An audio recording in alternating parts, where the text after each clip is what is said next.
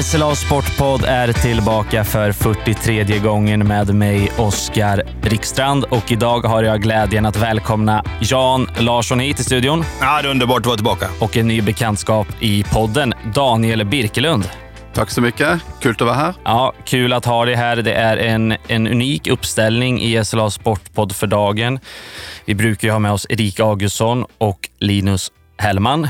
Båda de är på resande fot. Erik Augustsson sägs vara på väg till Gotland, Larsson. Ja, det är ju det här stora enduroklassikern Gotland Grand National och det är ju hennes stora passion i livet. Det är ju de här eh, motorcyklarna då som hon ska följa. Den är jättetävlingen, 3000 deltagare tror jag och vi har väl lite Skövdeförhoppningar i toppen faktiskt. Just det, just det. Det ska bli spännande att följa. Vi önskar Erika lycka till där. Linus, också resande fot, på väg till Göteborg va? Ja, han är ju aldrig hemma. Det är, ju, det är problem med Hellman i stort sett. Nu var det fotboll idag. IFK Göteborg, Djurgården, torsdag kväll. Får se då hur det går där. Så att eh, vi har kallat in förstärkning in till poddstudion. Det är ingen mindre än succétränaren, får jag nog kalla det nu, eh, nu Daniel. Daniel Birkelund. Jag har skrivit ner här. Född 1979. 42 eh, år får jag det till. Från Norge. Du har en lång meritlista som vi inte har tid för att gå igenom här. Men eh, du är för tillfället huvudtränare i Skövde HF och eh, du har öppnat alldeles strålande. Så att eh, det var kul att du ville komma hit och sitta ner med oss en stund i podden. Ja, men det ser jag fram emot. Jag, vi ska komma mer till Skövde HFs framgångar och ditt intåg här i Skövde. Men jag ska börja med att göra det vi brukar göra, det är att jag frågar er hur ni har haft det senaste veckan. Larsson, jag börjar med dig. Dina senaste sju dagar, vad kan du säga om dem? Hur har du haft det? Ja, mycket jobb har det ju varit då, för vi jobbar ju helgen och det är ju hektiska, eh, framförallt ja, lördagar och även nu söndag var det ju då. I lördag så var jag tvungen att, jag satt ju hemma naturligtvis och lajvade från eh, redaktionen. Erika var ju på plats nere i, i eh, Kungälv och Storsjö HF och vinna igen där då. Det var ju en, en härlig nervmatch, så den tog man ju med sig och sen följde jag upp med Skövde AIKs 3-0-seger med IFK Malmö på söndagen då. Och sen så, ja, det är väl det som har varit. Vi spelade faktiskt Bingolotto hemma i lördags. Det var ju sån här jubileum. Det brukar man ju bara göra dagen innan julafton då. Men nu gjorde vi det. Fyra stycken. Ingen vann. Nej, det, blev inte, var så? Nej, noll. Hade du en dubbellott eller? Nej, ja, den kostade hundra spänn, så det var det nog då. Ja, det var det. Den gick åt skogen, men det var, hade inte räckt med något annat. Man är alltid ett nummer ifrån i det där spelet, känns det som.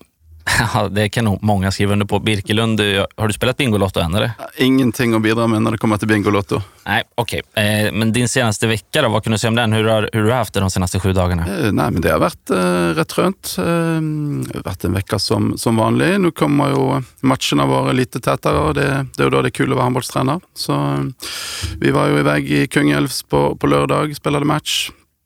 Ehm, sen eh, lite lugn och avslappning på söndag och så var vi igång igen på måndag och tränade på, ja, prövade bygga upp en, en ny bra vecka. Och, mm, Sån, ja, tisdag, onsdag så småningom började och titta in mot Kristianstad och förbereda oss på det. Och, ja. Så laddar vi på ny match eh, imorgon.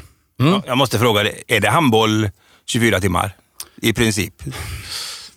Ja, I bakhuvudet kanske någonstans? Ja, det, det, det, är väl lite så att det ligger och rullar på hela tiden. Och särskilt liksom nu när man är lite i hetluften och, och, och matcherna kommer, kommer jämnt så, så ligger det där hela vägen. Men det är också viktigt att, att hitta liksom några frizoner och, och få koppla av lite. Så, så ja, men i, i söndags, dagen efter match, så var jag uppe på Billingen och sprang med en lång, lång, lång tur. Och, fick lite frisk luft och sådär. Eh, ja, så jag prövar liksom mm. att hitta, göra lite andra saker, men det är klart att det blir mycket jobb och mycket handboll. Eh, mm. Det, det gör det. Men du känner, Billingen, vi är väldigt stolta över Billingen och den eh, utbyggnad som har skett med spår och alltihop. Nu kommer du från ett, från ett land då, med, med fantastisk natur och alltihop. Så här, kul att höra. Vad, vad säger du om det där uppe? Ja, men jag tycker det är ett fantastiskt, eh, fantastiskt område. Jag har varit där ganska mycket att jag kom. Eh, så gillar det, gillar det jättemycket. Jag tycker det är skönt att komma sig ut i, i frisk luft och ja, men ute lite i natur och sådär. Ehm, eh, sen är det lite annorlunda. Det är någonstans jag ska säga, lite ännu mer tillrättelagt på, någons, på något sätt än jag kanske är van med i, i Norge. Eh, men ja, det, det, det är skönt. Så jag tycker det är ett Nej, jag- fantastiskt område. Jag har ju haft den äran och, och jag var faktiskt med i IFK Skövde där på en Europacupresa när de mötte Fyllingen för ett antal år sedan. Så jag har varit i Bergen då som är din oj, oj. hemstad. Och det var ju, man var ju uppe, vad heter den där banan upp, man åker upp på berget där. Och du vet, man dånar ju bara hur vackert det är som svensk. Va? Det är ju... Ja, det, är världens, Ja. det är världens vackraste by, så det, det, är, ingen, eh, det är ingen diskussion på det. Världens regnigaste också va? Eh, vi pleier å si at eh, den, den nest vakreste byen i verden, det är Bergen når det räknar. Okej, ja det är bra. Vi brukar ju prata lite friluftsliv i podden här. Du, jag får lite friluftsvibbar här, inte minst med klockan där. Är det någon avancerad eh, pulsklocka du har på dig Daniel? Eller? Ja, hur avancerat? Nej, det vet jag inte, men eh, det är en, eh, det är en pulsklocka. Ja, så, ja, men jag gillar att vara ute och ja, utmana mig själv lite. Gå, gå på lite fjälltoppar eller cykla eller göra lite sådana grejer. Så, så här i somras var jag på Kebnekaise för exempel. Alltså, alltså, hela vägen upp? Hela vägen upp. Helikopter ner eller? Nej, för fan. Larsson, du, är ingen, du kör aldrig pul pulsklocka? Nej, jag har ju någon enkel en stegräknare bara. Så kan man se om man är stressad eller inte. och Den brukar alltid ligga väldigt lågt. Jag vet inte vad jag sysslar med egentligen. Nej. Nej, jag tar nog in nu. Jag får kolla på den här efter sen. Eh, Jag tänker att vi ska ge oss in lite i avsnittets kärna här. Vi ska prata en del Skövde HF och eh, vi kan väl ta avstamp i senaste matchen som var Kungälv. Eh, Ni tog ännu en seger där. Det var en, en rysare, en ganska buljande match. Eh, Jag tänker att jag ska börja med att fråga dig Larsson. Du följde den här ifrån Skövde va? Ja, absolut. Jag, Vad har du för intryck från Skövdes seger i Kungälv? Ja, men det, är ju, det såg ju ut lite grann tycker jag som det har gjort eh, de senaste matcherna. Även Heid hade man ju väldigt grepp på som ändå blev jämn på slutet som man redde ut. dem, Men visar ju en sån styrka och det är flera spelare tycker jag som redan har imponerat stort på mig. Jag tänker på Nathalie Westerfors och sådär som man inte har sett så mycket av tidigare. Det finns ju en utveckling i laget och jag menar, nu har Skövde efter att eh, sju poäng. Man tog nio på hela förra säsongen, så att, eh, vad ska man säga? Succé i början, naturligtvis. Ja, succé. Du, du leder borta. Daniel, eh, får jag be om din analys av den senaste matchen Kungälv?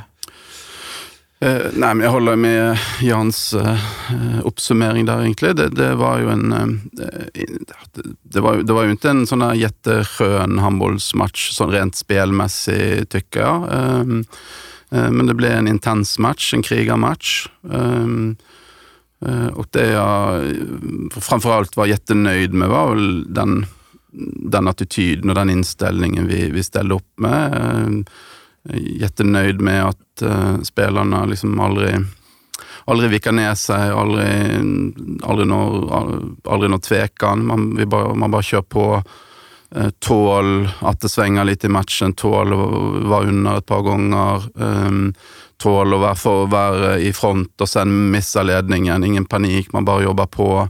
Om och man hittar något jävla sätt på liksom att komma sig upp på förhand och göra det som krävs. Då. Ehm, och det och så ska du Ska du, ska du sätta ihop en, en bra säsong utifrån de förutsättningarna du har så kommer du kommer aldrig att vara jättedukt, jättebra varje gång. Så, du- så du behöver ju att klara som att kriga till det något på några, några, några av de där dagarna där det inte allt funkar helt. Och jag känner att det var lite en sådär, sån typ av match. Då.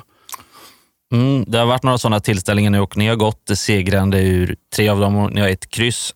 En spelare som har klivit fram på senaste tiden är Milena Pilav. Hon gjorde det precis innan paus, eh, noterar jag, eh, mot Kungälv också. Hon tog ett, eh, ni hade ett sista avslut helt enkelt och hon tog det från 10-11 meter nästan.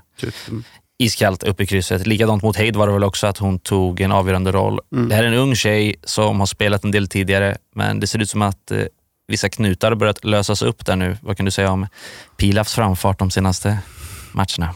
Nej, men jag är ju eh, först och främst jättenöjd med hur hon har eh, responderat, tagit, eh, tagit möjligheten och tagit ansvar när hon har fått, fått en roll. Ehm, jag tycker hon är en jätteintressant och spännande spelare sådär, ja, men i ett lite, lite långsiktigt perspektiv.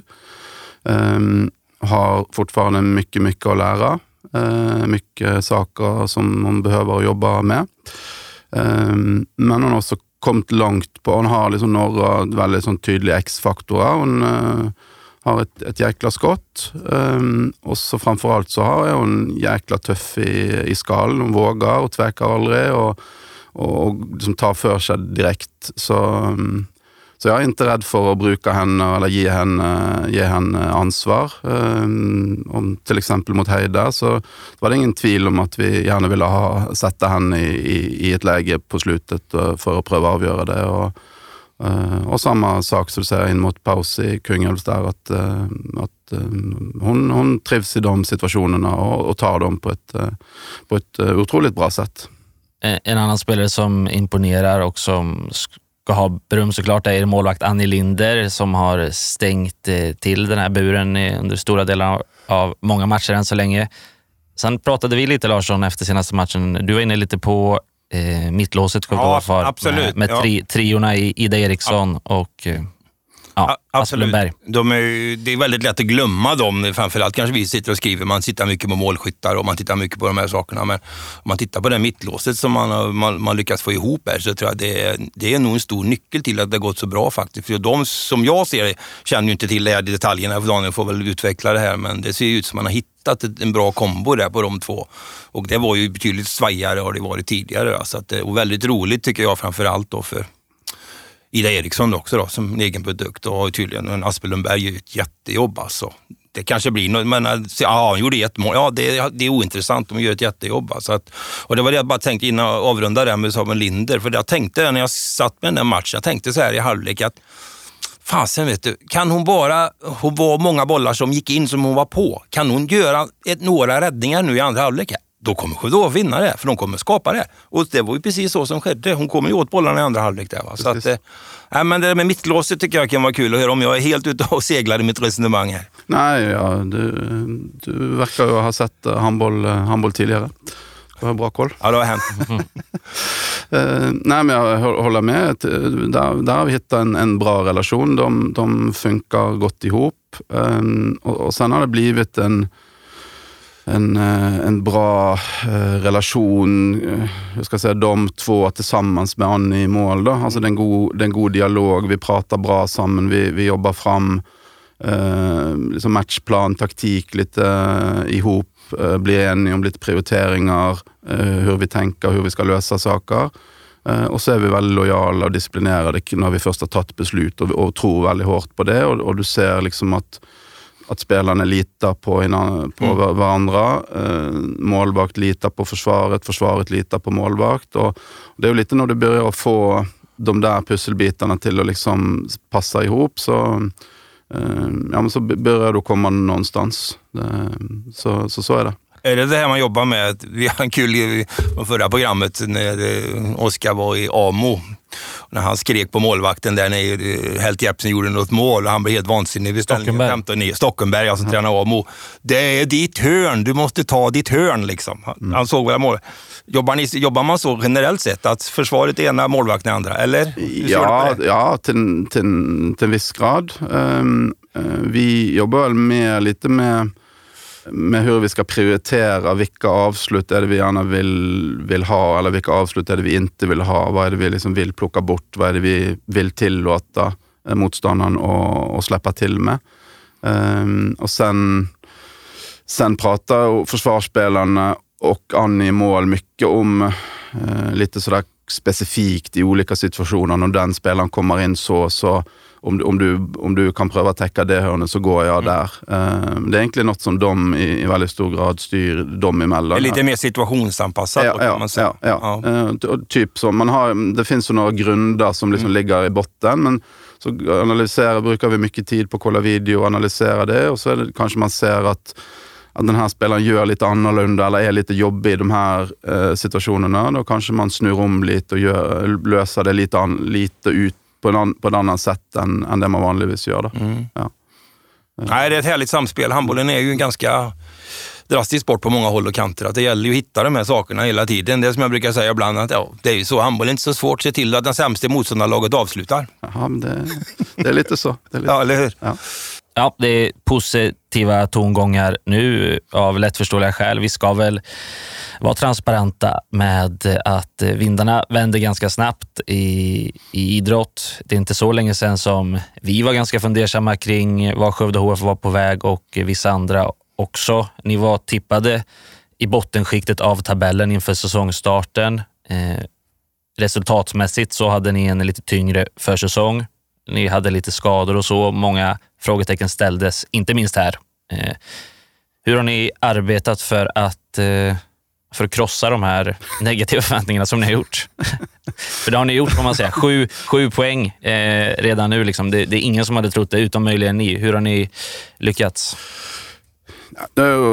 först och främst så är det ju fortfarande jättetidigt ja. på säsongen och jag känner väl att vi är fremdeles eh, egentligen bara i startfasen på hela liksom, projektet vårt. Eh, och jag tror ja, vi ska varken liksom få hybris och, och ta på oss någon sån succémärkelapp eller, eller eh, och, vi, och, och det, vi skulle heller inte tagit på oss något eh, fiaskomärkelapp om, om det liksom hade gått lite stolpe ut så här långt. Vi, vi jobbar ju i ett lite långsiktigt perspektiv och försöker att bygga någonting som, som vi tror ska bli jäkligt bra eh, om, om vi står i det. Så, så det, det, är nog det. Eh, nej, men, men sen så tror jag att eh, att vi, ja, vi, vi, i gruppen och i den inre kärnan kring laget så har vi väl inte brukt så mycket tid på, på alla de där uh, åsikterna hit och dit. Um, det, det, är en del av det att driva med elitidrott, att det tycks och tänks uh, omkring oss. Ehm, Eh, och, och, där har ju ni till exempel er roll eh, och det ska ni ha och jag tycker det är helt härligt ja, att, eh, att folk har åsikter om oss. Och har inga problem med att vi mm, sågas när vi förtjänar det eller för den delen när vi inte förtjänar det. det är liksom, man, kan, man, kan, man ska inte gå runt och ta sig själv så jäkla högtidlig och liksom ta sånt personligt. Det är bara en del av, det en del av gamet och det är en del av det vi skriver på när vi väljer att jobba på den nivån vi gör.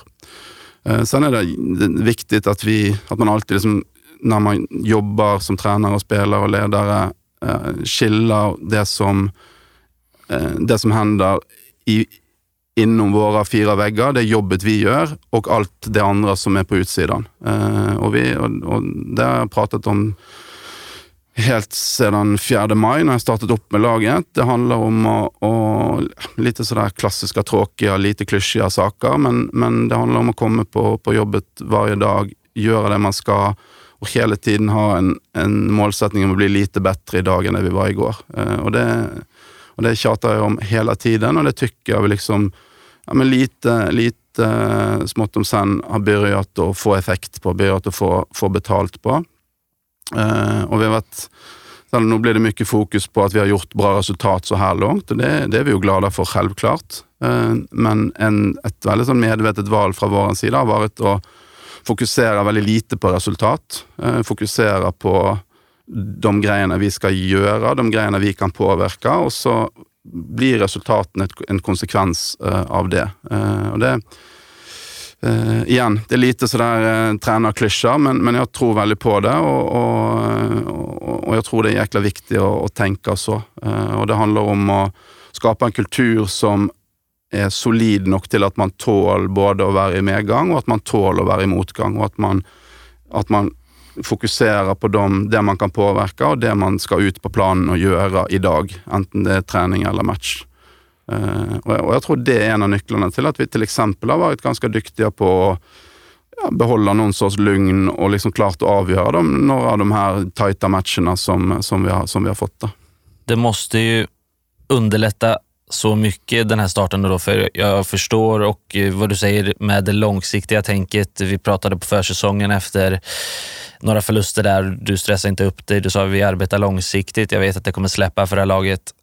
Att det har släppt, eller att ni har fått en, så, ni har fått en kortsiktig utdelning kan man väl säga nu, att ni har fått en tidig utdelning. Det måste ändå underlätta så mycket i den här processen för dig som kommer hit som en ny tränare från ett annat land, eh, träffar spelare du inte känner sedan tidigare. Du måste göra ditt arbete lättare att ja, få de här poängen på pappret, liksom, att ja, ja, visa att det funkar. Ja, ja men absolut. Så, så är det ju. Uh, det är klart att det ger, uh, det ger uh, självförtroende, det ger energi Ehm, eh, och det ger någon form av liksom bekräftning för alla, att vi liksom, menar, att det här funkar, vi är på rätt väg, vi har en bra riktning på det vi håller på med.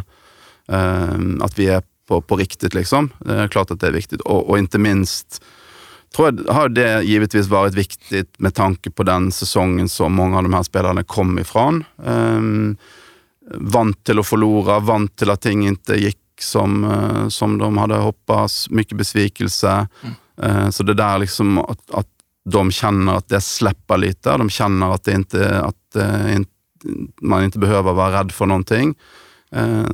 Det, det, är klart att det gör en massa saker lättare i förhållande till att och kanske lägga ännu större tryck i de processerna vidare framåt. Då.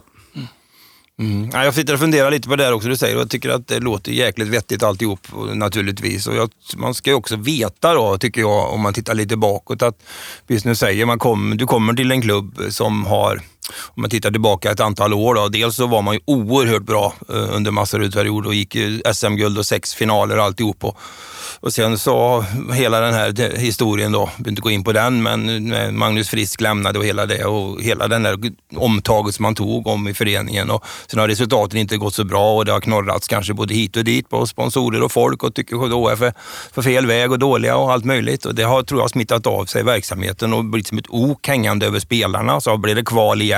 Har man ju rätt ut det, tränarbyten och allt möjligt. Så kommer du in och så fokuserar man mer på att börja om och mera på prestationer och, och skapa ett lugn. Och jag tycker att eh, jag får säga att det finns lite klara likheter faktiskt med din gode vän Jonas Willes inträde i IFK Skövde. Får säga, för att han kom in också på samma sätt och blåste liv i, på ett...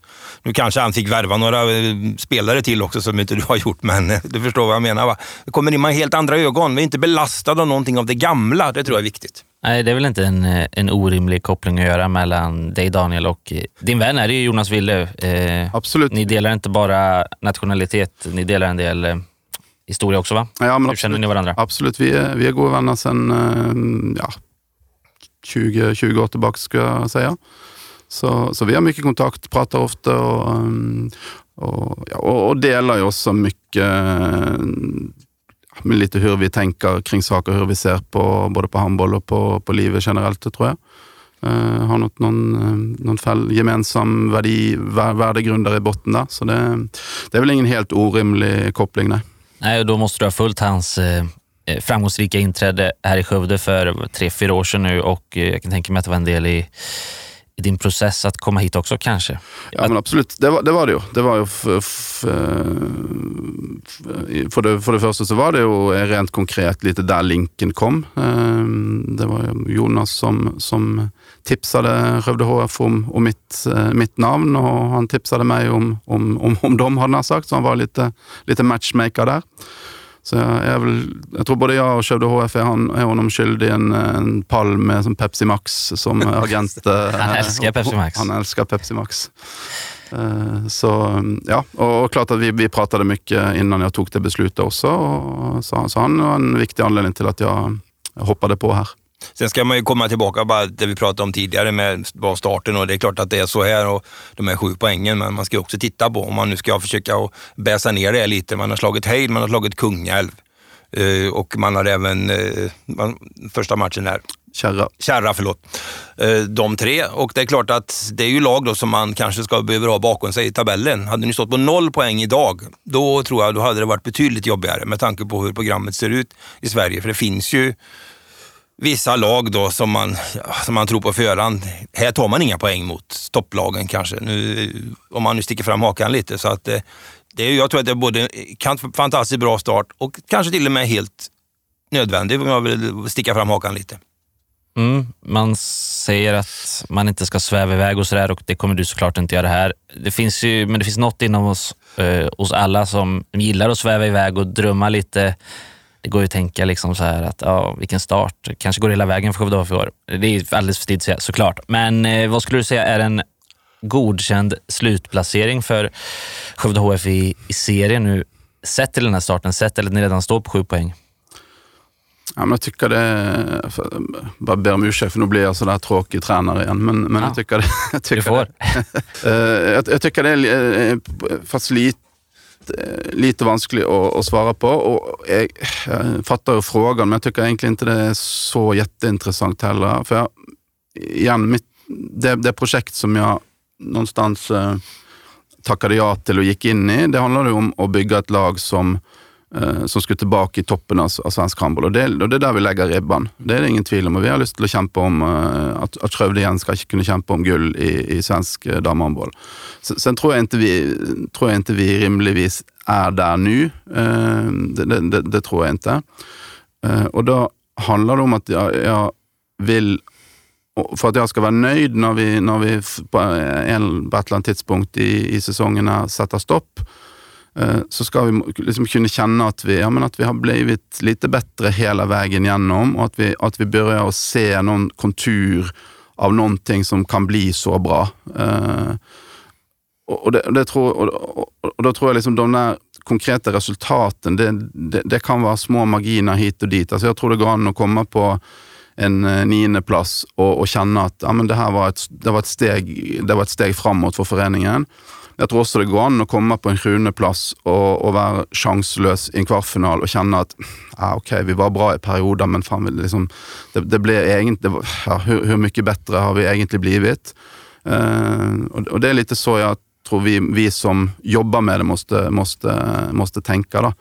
Uh, och sen tror jag heller det är er uppgift som, eh, som eh, media och journalister och sådär, så får ni alla vara lite mer black and white på och liksom såga oss om vi, om vi inte går till slutspel och, och, och skriva upp oss om vi går till slutspel eller vad det nu måste vara. Liksom. Men, vi är heliumballonger och du måste vara ankaret som håller ballongen ja, lite, kvar på marken ja, så, den inte, så. så den inte flyger upp i Lite så. Lite så. Nej, men sanningen är ju den kanske HF undviker att kvala sig kvar. Inte åka ur och inte kvala sig kvar. Då har man ju gjort framsteg. Mm. För det är ju det man har gjort de sista åren.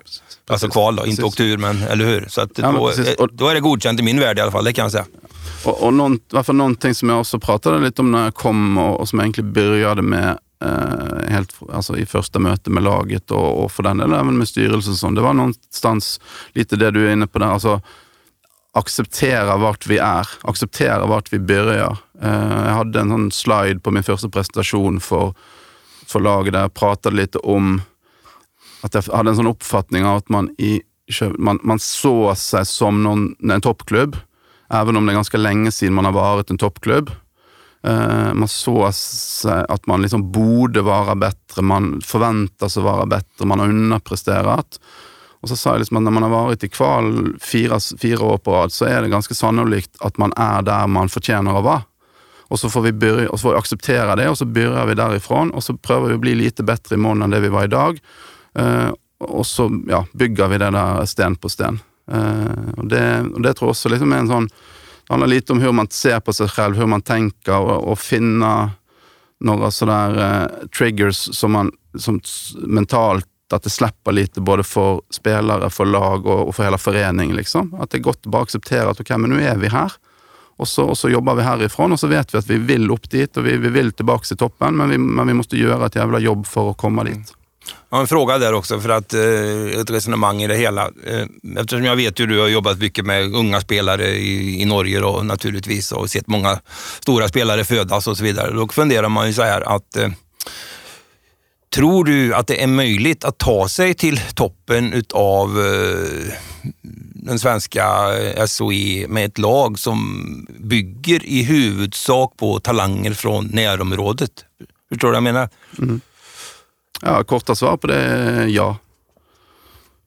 Ja, det är intressant då, för vi kan ta gärna, vi kan ta, vi kommer in på IFK Skövde sen också, ta herrsidan här då exempelvis där som då gör bra ifrån sig, var i SM-final och de har också fantastiska ungdomar. Men jag tänkte just på matchen de spelade senast där, beslutet när de gick på Hallby. Då hade IFK Skövde ett lag på banan som bestod av det ska vara elaka igen då. Två killar från Stockholm, eh, en norrman, en islänning, två danskar och Christian Svensson, 40 år.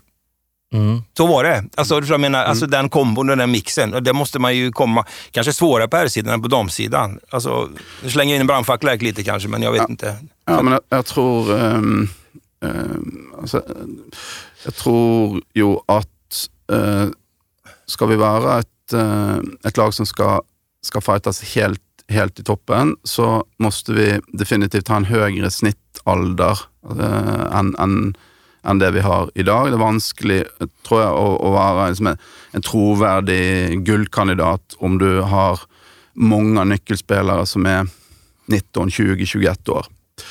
Ehm, uh, jeg tror en del av en sånn prosess handler om at du måste liksom hente noe någon sorts av spetskompetens utenifra, fylla på, gjøre några liksom shortcuts i, i förhållande till det. Uh, men jag tror det viktigaste greppet eh, för att skapa det laget, det, det handlar om att skapa kontinuitet i egna räcker. Se till att de spelarna som är 20 år idag, 21 år idag, eh, att de fortfarande eh, är Skövde HF-spelare när de är blivit 23-24, och att de har tränat i förhållande till en kravbild på vad som ska till för att bli toppspelare i de två-tre åren emellan det, tror jeg, det tror jeg er nøkkelen. Um, uh, og det er sånn alle Men alle toppspillere kommer jo någonstans ifra. Mm. Så det er jo ikke så at Alltså, varför, ska inte, varför ska det inte komma toppspelare från Skövde med all den handbollkompetens, handbollkultur, handbolltradition som finns i stan här? Så, så jag tycker någonstans handlar det också lite om att ha, lite, ha en form för menar, självförtroende och, och, på, kring det. Det är inte så att allt är så jäkla mycket bättre bara för det att man hämtar det från eh, någon annanstans. Han sa det en gång, eh, jag vet inte om du kommer ihåg honom, eh, det var en legendarisk tränare. Han var ju mycket i Norge också, borta så många år. Roger Ragge Karlsson, mm. som var mycket bakom det svenska handbollsundret på herrsidan. Han var ju här i Skövde de sista åren då. Mm. Tyvärr så gick han ju bort här då under mm. tragiska former. Men mm. eh, han sa det till mig en gång, du vet, sa han, man behöver inte be om ursäkt bara för man kommer från Skövde. Va? Klarar det här också. Ja, det, ja, är, det är en sån där logisk sån där, sån där citat som man tar med sig. Liksom. Mm. Och vi har ju foster, många, många, många bra spelare, landslagsspelare här, i det här, här som kommer ur våra egna led också. Mm. Men, men jag tycker just den frågan, för det är ofta svårt det där och då tänker jag på din bakgrund där med, med Norge och det. Är, är man bättre på, tror du, att få de här spelarna 17-18 år upp till 24-25 års åldern. För nu är ju Norge, alltså de är fantastiskt bra. Framförallt i mm. handboll och eh, på, på damsidan, i dominanter. Va? Mm. Nora Mörk och sånt kan jag titta på hur mycket som helst när de spelar handboll. Liksom. Mm. Fantastiska spelare. Mm. Vad, om man pekar på den biten då, du kommer ju från den norska handbollen där. Ja. Ja, det, det, kan väl, för det första kan väl, tror jag, tror jag det kan vara ett eget poddavsnitt och, ja, och, och dyka, ner, dyka ner i det. Um, uh, men Ja, lite kort bara. Ja, lite kort. Eh, I norsk handboll och framförallt norsk damhandboll så finns det någonstans en, en jäkla sån tydlig linje eh, från, låt oss säga från spelarna är 15-16 år. Eh, så finns det ett, ett jäkla bra system och en jäkla tydlig linje hela vägen upp till att bli bäst. Norsk håndball eh, i Norge er en stor sport i et litet land. Um, det, det, er ganske mye ressurser i håndballen. Sånn at hvis, om du er en, eh, en, en ambisiøs, talentfull 18-19-åring, 19-årig eh, tjej i, i norsk håndball, så kommer du å bli sett, og du kommer å få de, de liksom förutsättningar du behöver for å, å teste ut din talang. Och sannsynligvis, så är du ett, i ett miljö där det, där, det, där det inte är så jäkla lång distans till någon som har gått före dig. Så att, mm, jag, jag, tror ofta att man kan känna att ja, men okej, hon som är, var två år äldre enn meg der, hun eh, spiller jo eller hon har blivit landslagsspelare, så då kanske jag kan bli det också. Så det finns, jag, tror, det, jag tror En viktig skillnad är någon sorts iboende liksom, Eh, självförtroende, eh, selvs... Eh, at man, at, man, at man, vet på en måte at, at er du en håndballspillende tjej fra Norge, så har du muligheten til å bli best i verden. Jeg oppfatter kanskje i den svenske damhandbollen at man har lite dårlig selvfortroende. At man är lite, liksom, eh, lite defensiv nästan i sitt tänk. Det kommer ju lite åt rätt håll också. Vi, vi pratade du vid en annan tillfälle åt det här, eh, det var ju då när Elma Örtemark blev uttagen i det här med ligalandslaget och det är mm. väl ett steg i rätt... Det, är väl, det, det har man hållit på med ganska länge i Norge om jag förstår. Rekrytlandslag kallar man det. Ja, det har man haft i Norge sedan 2005. Ja. Uh, ja. Uh, i, i, Norge er det, det, det, er en skillnad fra Norge til Sverige. At det er mer ressurser på, i landslagssystemet. Uh, man har mer samlingsdøgn på ungdom- og juniorlandslag. Jobber tettere med spillerne som er inne i domlandslagene. og man har et sånt ja, rekruttlandslag, som mm. vi kaller det. Ligalandslag, som de kaller det her. og jobbet systematisk med det over tid. Så det at man i hvert fall har fått det, gang på det i Sverige, er et, et steg videre. Sen har jag fått för mig att man tränar mer överhuvudtaget i Norge. Jag vet inte. Men det är bara för att man ser en Teros Johaug springa ifrån alla svenskar i skidspåret jämt. Verkar träna något djävulskt alltså.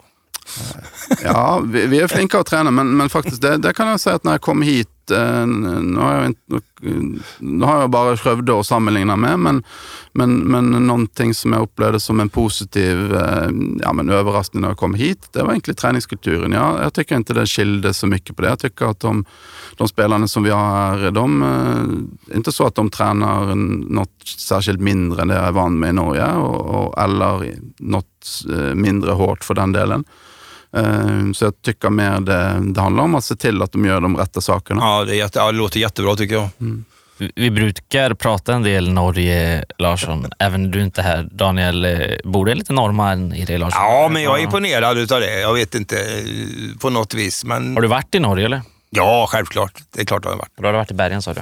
Ja, det har varit också. Jo, men vi har bilat upp mot Trondheim, in mot Åre och sådär. Så att det finns ju olika. Men när Sverige möter Norge, vilka håller du på? Ja, men då håller jag på Sverige naturligtvis. Ja, det gör det. Så, ja, men man måste vara imponerad av de här grejerna. Framförallt alltså, jag menar, det norska damlandslaget i handboll, det går det undan kan jag säga när man kontrar. Man har jädra fart i sitt spel alltså. Och det, och det får man ju inte om spelarna inte är tekniskt, taktiskt duktiga. För du kan ju inte tappa bollen, då blir det ju ingen fart. Va? Så att det, jag, jag är grymt imponerad alltså. Ja, det, är där, det kan vara ett eget avsnitt där nästan. Ja, det kan det definitivt. Vi, vi, ska vidare från Norge eh, och vi har redan varit inne lite på det. Jag tänkte att vi ska snudda vid IFK Skövdes eh, senaste vecka. De spelade hemma under tisdagen, var det va? mot eh, Hallby. Eh, också ett, eh, ett drama som Skövde slutligen gick vinnande ur. Jag var där, Larsson, jag såg dig där också. Daniel, var du på plats i arenan? Nej, Nej jag hann dessvärre inte det. det. Vi hade träning samtidigt. Så det blev lite tajt. Jag börjar med att fråga dig Larsson, vad har du för, eh, vad minns du från matchen Skövde-Hallby? Ja, det man minns först är ju naturligtvis den fantastiska eh, ceremonin som man hade för Rasmus Vremer då, som firades av nu för sin eh, långa karriär. Då. Det var ju roligt att det var så mycket folk och bra stämning och det var bra arrangemang av IFK Skövde tycker jag. Och sen när matchen började då så kunde man nästan räkna ut på förhand där att de kommer att få lite jobbigt där tror jag. För att han är ganska smart, Östlund, coachen där i Hallby, har mötts tre gånger förut. Så de hade lite, lite att lösa där. Han satsade konsekvent sju mot sex-spel från start. Exempelvis fick ju god effekt på det. Och så IFK slet ju väldigt mycket och slet ju långt in i andra halvlek. Låg under med 4-5 mål. 23-27 stod det. Då var det inte mer än 10 minuter kvar. Och då tror man ju att det blir torsk. I alla fall jag då, som är lite sådär, ser spöken på ljusa dagen. Men då var det en annan veteran, Christian Svensson, 40 år. Kliver in och gör tre raka mål och någon assist och fälter någon straff. Och hittade Mossetad på kanten, han var ju hundraprocentig. Så vände man matchen. det var bra gjort. Så jag tror att de fick lite gummiarm faktiskt, Hallby. De kände att de var nära att slå Skövde. Liksom. Det har de aldrig gjort förut och då blev man lite feg. Det är min uppfattning. Ja, till slut var det ju inte ens nära fyra bollar skilde. Det var en ångvält som kom igång där på slutet. Ja, de gjorde 8-0 under en period, jag vet gjorde de ju. Man får säga att det var ganska bra tryck i arenan också under slutskedet där eh, publiken gjorde sitt. Eh, har du sett från IFK Skövde, har du sett någonting ja, den här säsongen eller? Faktiskt inte fått uh, kollat uh, något än. Det, ja, man, det blir lite så. Man, eh, man står lite mitt uppe i sitt eget och, och har, eh, har nog med det någon gång. Men eh, jag noterar resultatene självklart. Eh, jag så är imponerad över den starten de har fått med, med tanke på de skador och utmaningar de har. Så det har varit riktigt, riktigt bra gjort. Så det, de, de verkar vara bra på gång.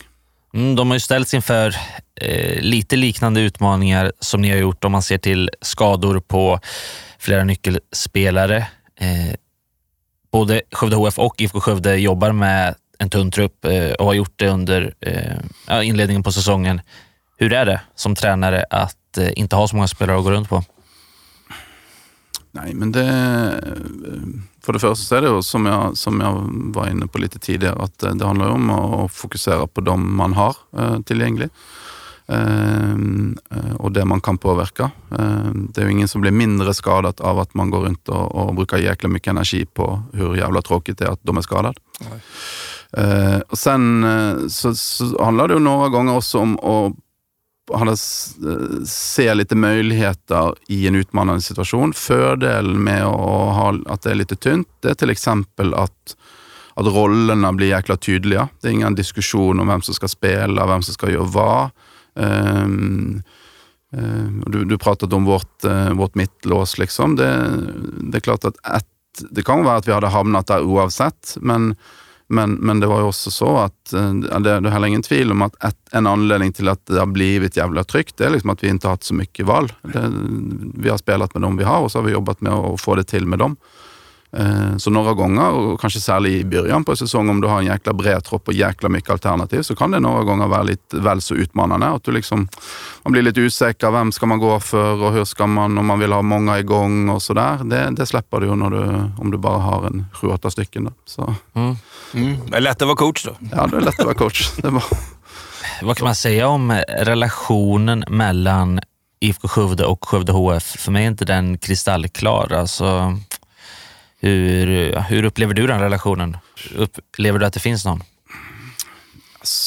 Så här långt så har jag väl inte upplevt att det, att det finns någon sån där jättetajt relation. Varken, alltså, han har sett varken positivt eller negativt så. Eh, att man lever lite sina, sina enskilda liv. Eh, Eh, Jeg tror sånn på, på elitnivå så, så har vi vel en bra dialog. Jag känner Uffe bra, godt fra tidigare, så vi har varit och nå og hatt haft lite lunch och sådär och pratar när vi, når vi träffas och sådär. Um, och, og lite samma vet jo det mellan spelarna. Men sånn mer på föreningsnivå så, så är vel min bild att, at, man lever lite sina enskilda liv. Um, vilket i några, på några sätt kanske är naturligt, men, men jag tycker även att uh, det borde finnas eh, grundlag för att Ja, men det, det är helt säkert saker man, man kunde haft fördelar båda, båda vägar och samarbeta lite om och, och eh, ja, dra lite i samma riktning på. Det, det, det, är, det är handboll vi jobbar med båda, båda verksamheter. Så.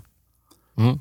Ja, så är det väl. Och det kommer ju upp lite då och då eh, funderingar och, och frågor och hur det ser ut i Skövde. Och vi har ju många klubbar, Sävehof, Lugi, med mera som har både Önnered, som har både dam och herrverksamhet i sin, i klubben då. Men då kommer ju alltid de här farhågorna upp då. Hur blir det liksom? Kommer tjejerna att få ta det lilla som blev över och hela den saken om man gör det till en förening? Så jag tror ändå någonstans att det kanske är en styrka då att på, på ett sätt att Skövde HF står helt på egna ben. En annan kan ju vara också det med sponsorpengar och, och såna här saker som man kanske kan dra nytta av varandra på ett sätt som och det vet jag, det funderas det väl lite grann på, i alla fall snackas om. Hur allvarligt det vet jag inte men eh, Nej, men det, det, det är en historia också tillbaka. Alltså, det har varit så. Jag har den uppfattningen alltid egentligen att de har varit ganska skilda åt och, och levt sina egna liv i, i, i stan i alla fall på, på det sättet. Så att, eh, ja, jag vet inte, så jag ser nog inget sammangående i alla fall mellan Nya Skövde och uh, Skövde HF på överskådlig tid. Det kan jag inte se. Nej, den som lever får se. Eh, vi ska vidare från handbollen eh, för en liten stund faktiskt och vi ska prata om ett annat Skövdelag som har vunnit sen vi satt det senast. Det är Skövde AIK. De tog tre nya poäng. Eh, 3-0 hemma mot IFK Malmö blev det till slut. Viktor Granat gjorde alla de målen och eh, SAIK har fortsatt rejäl toppkänning i ettan södra. Det är fyra omgångar kvar nu. Larsson, pirrar det lite i dig, eller? Ja, men det här är ju stort. Det här är ju kul. Jag menar, här har vi helt plötsligt fått ett lag i fotboll i Skövde då, som eh, nosar på superettan, alltså som är under allsvenskan. Och pratar vi superettan i Sverige med eh, förutsättningar, tv-pengar, så att mm, då någonstans så kan, kommer det ju falla ut en 6-7 miljoner kronor direkt i stort sett vad jag vet. Och det är väl ungefär vad Skövde AIK omsätter totalt idag så att man kan ju ta ett jättekliv. Får ju högre krav på det naturligtvis, för det måste man börja anställa spelare och så. Man, eh, så min uppfattning är att spelarna i Superettan i Sverige, de är heltidsanställda eh, i stort sett. Så att, eh, men det är klart, det vore ju Ja, det vore ju häftigt för, för stan då. Sen vad det betyder för idrotten i stort, när man ska slåss om sponsorkakan ännu mer, det är en annan historia. Men mm. håller vi oss till fotbollen så tycker jag det vore kul, fantastiskt kul att få ett superettalag här. Den här 3-0 matchen mot IFK Malmö, vad, Vad såg du där? Du var på plats på Södermalm va? Jag var på plats. Det var bra gjort beroende på den tunga förlusten de hade mot Trollhättan på måndagen. Och skadan då på sin kreativa mittfältsmotor Daniel Ask där som fick lämna på bår eh, var väl helt avtuppad och sånt där sätter alltid sina spår och jag tror att det var mycket som bidrog till att man tappade matchen under den perioden. Men man stötte sig tillbaka snabbt här och det tror jag var väldigt viktigt. De fick ju gnaga länge innan de fick hål på målvakten, så kom tre mål sista kvarten. Alltså, så att, eh, det tror jag var viktigt. Så att, nu har vi utsikten på lördag, Göteborgslag här, i toppmöte. Ja, fyra matcher kvar. Utsikten väntar först. Ett stekigt toppmöte. Hur är fotbollsintresset för, för din del, Daniel? Har du, till att börja med, har du kunnat se något från Skövde AIK än så länge? Nej? Jag har dålig koll på eh, svenska division 1-fotboll, det måste jag eh, erkänna. Men det allmänna fotbollsintresset då? Ja, men det finns det. Jag har följt eh, Liverpool sedan 1985, så jag följa, följa dem tätt. Och så har jag mitt lag i Bergen som heter Brann. Brandbergen, ja precis. Som är en, um, alltid en, en, en, konstant frustration att vara, att vara lite fan av dem. Det är alltid lite jobbigt. Men, Hur går det nu då? Ja, det går, det går lite tufft, men det ser ut som, ja, mest sannolikt så hamnar de i ett negativt kval. Så får vi se om de klarar att reda ut det. Har du spelat själv eller? Har spelat lite fotboll sådär, men inte... Ja, mer som, som alla har gjort. Upp till man var kanske 12-13, någonting sånt. Så, ja. sen, sen blev det bara handboll. Vi hade en connection så för många år sedan. Jag hamnar ju ofta i historien som ni vet. Men eh, 87 spelade ju Skövde AIK i den högsta serien och då hade man ju en tränare, en islänning, Teitur Tordarsson. Ett mycket välkänt namn och var ju skyttekung i allsvenskan i öster. Och var här. Han var här i ett år, sen blev han värvad som tränare till Brandbergen. Så var det. Ja, han har varit tränare i två, i två omgångar faktiskt. Ja, ja, du känner till honom? Ja, ja, ja. Jajamän, han har, precis som du, ett förflutet som tränare i Skövde. Ja, ja. Mm, det är en spännande avslutning som väntar Skövde AIK. Fyra, serie, fyra finaler säger de själva att de står inför. Hur, hur är man som tränare i det här skedet på säsongen? Inte så lång tid kvar, inte så många matcher kvar. Hur gör man för att hålla spelarna eh, fokuserade? Att man, vill inte, man vill inte röra på någonting som funkar. Förstår du vad jag menar? Eh, det, det, kan vara lätt att man ska försöka anstränga sig lite mer. Alltså, nu ska vi ännu mer de här sista matcherna. Ja, jag, tror du, jag tror du är helt rätt på det. Alltså, jag tror, eh, min erfarenhet är för att, att konsten då är att inte don't overthink it. Eh, som gör det Håll det, håll det enkelt och håll fast i de saker som, som funkar. Inte pröva bli så jävla smart. Uh, inte Öva, förbereda, inte bomba ner spelarna med ännu mer video, ännu mer taktiska direktiv. Eh, ja, och, det, handlar mycket, tror jag, när man kommer in i sådana eh, högpressmatcher så handlar det också mycket om känsla och, och hitta liksom rätt eh, mentala läge. Liksom. Det, och då är det viktigt att du som coach själv hittar det och att du utstrålar till spelarna någon form av trygghet och lugn och att du har tro på det, den ni, det vi håller på med och sådär. Det tror jag också, precis som du säger. Och det kan vi också fundera på vad du tycker Daniel. Vi har ju, det är första eh, året nu då, vi har ju ett väldigt tungt namn som är tränare. Do, eh, Tobias Linderoth, storspelare i svensk fotboll och med hela Zlatan-epoken och proffs och eh, lite överallt. Och, eh, och han kommer ju med en helt annan erfarenhet som du säger då, på det här jag tror det är viktigt, va? Det kan det vara, va? På något vis. Förstår du vad jag menar? Ja, men absolut. Jag tror, ehm, eh, alltså, eh, jag tror absolut att det, att det är viktigt att ha alltså, erfarenhet och det att ha varit, varit med på saker eh, själv. Ehm, eh, Sen kan man ju bygga den erfarenheten på olika sätt. Eh, det är klart, eh, kommer du från en, en lång spelarbakgrund så, så har du den ballasten med dig. Ehm, Sen kan du ha andra som, ja, så som jag och, och andra som, som mer liksom har gått tränarvägen och, och byggt upp en lång erfarenhet på det och varit i de typer av situationer många gånger. Och, ja, gjort alla de fel du kan göra liksom och prövat lära sig det. Så, eh, så, så det finns ju olika vägar, men, eh, men att, eh, att det hjälper att du liksom har, har känt på det några gånger innan, det, det tror jag är helt, helt klart. No, precis. För det är också som med Tobias, han har ju en ganska, ett, fler, ganska många år så jobbar han ju med juniorer i Elfsborg också. Ja. Det är väl det han håller på med innan han, det är väl hans första senioruppdrag det faktiskt. Va? Mm, stämmer. Är det väl. Va? Eh, men det är klart att jag tror inte han blir nervös. Har man blivit mottagen som i Youtube-klippet på eh, flygplatsen i Istanbul när han kom till nyförvärv, in, inburen i guldstol, då har man varit med om det mesta tror jag. Ja. Känslan är också att Zlatan är större än Tobias Linderoth i Norge. Det tror jag kan bekräfta. Det kan du bekräfta. Eh, Skövde AIK eh, spelar mot Utsikten på lördag. Den kan man följa på sla.se. Det händer en del annat spännande i helgen, inte minst för er Daniel. Ni ska möta Kristianstad mm. också under lördagen. Jag ska väl börja med att fråga dig Larsson, hur ser du fram emot helgen som väntar här? Vi har en del att ta i. Ja, men lördagen är ju, den blir ju hektisk då. Det blir ju 13.00 är det ju då Skövde AIK Utsikten och så 15.00 vägg i vägg så är det handboll. Och sen har vi en hockeymatch också med Skövde IK i Köping då, som vi också får täcka in. Och så Erika på Gotland Grand National. Allt händer på lördag eftermiddag, men vi är med överallt. Det kommer att gå bra. Mm, Daniel, hur ser du fram emot helgen som väntar här? Ja, vi ser väldigt fram emot uh, mot den matchen.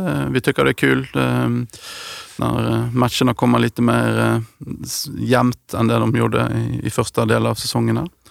Eh, tuff match, eh, riktigt bra motstånd. Eh, tycker Kristianstad mm, ja, de har ett riktigt fint lag. Eh, så, så det är eh, utan tvekan liksom ett... Eh, det, kom, det kommer att behöva ett, ett, ett kliv upp i prestation om vi ska, om vi ska nypa dem.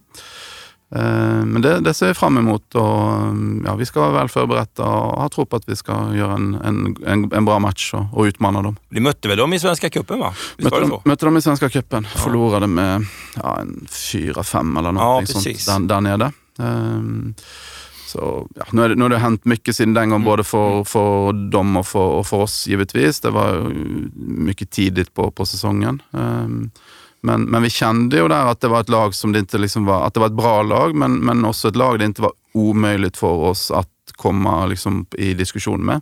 Så, så det ger ju någonstans en form av trygghet och självförtroende. Att vi, om, vi, ja, om vi får träff och, och lyckas med att göra en, en riktigt fin match så, så har, vi, har vi tro på att det finns mm. möjligheter. En annan detalj är ju det att eh, Daniel Birkelund har ingen aning om hur det känns att förlora i en svensk seriematch.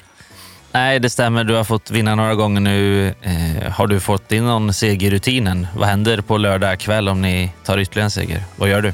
Jag gör väl egentligen detsamma som jag alltid i stort sett gör efter match. Eh, när jag kommer hem, jag tar en, en, först en kall öl och så tar jag ett par glas med en god och lite dyr rödvin och spisar någon god mat och kopplar av lite. Ja, underbart. Ja, det låter som en eh, mycket, mycket bra lördag och eh, med det så tycker jag att vi avrundar det här 43 avsnittet. Det har varit trevligt. Kul att ha det här. Daniel, hur har det varit? Jättekul. Tack för invitation. Hoppas alla att det är möjligt att förstå mitt lilla norsk-svenska hybridspråk. Ja, jag har inte ens tänkt på det Larsson. Nej, nej, du, har, det, det ser ut som du har förstått det mesta. Jag kan lova dig att den förra sju efter hade inte blivit inbjuden till podden. för den danska var inte lätt. Nej, då hade vi, då hade vi fått anta. Ja.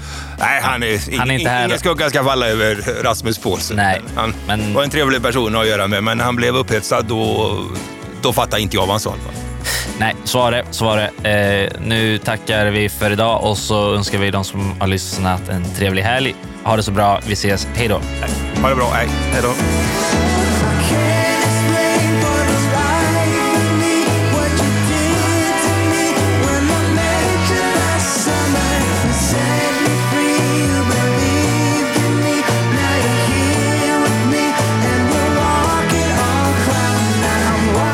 Här podden spelades in i poddrummet hos Rikstrand och Company i Skövde.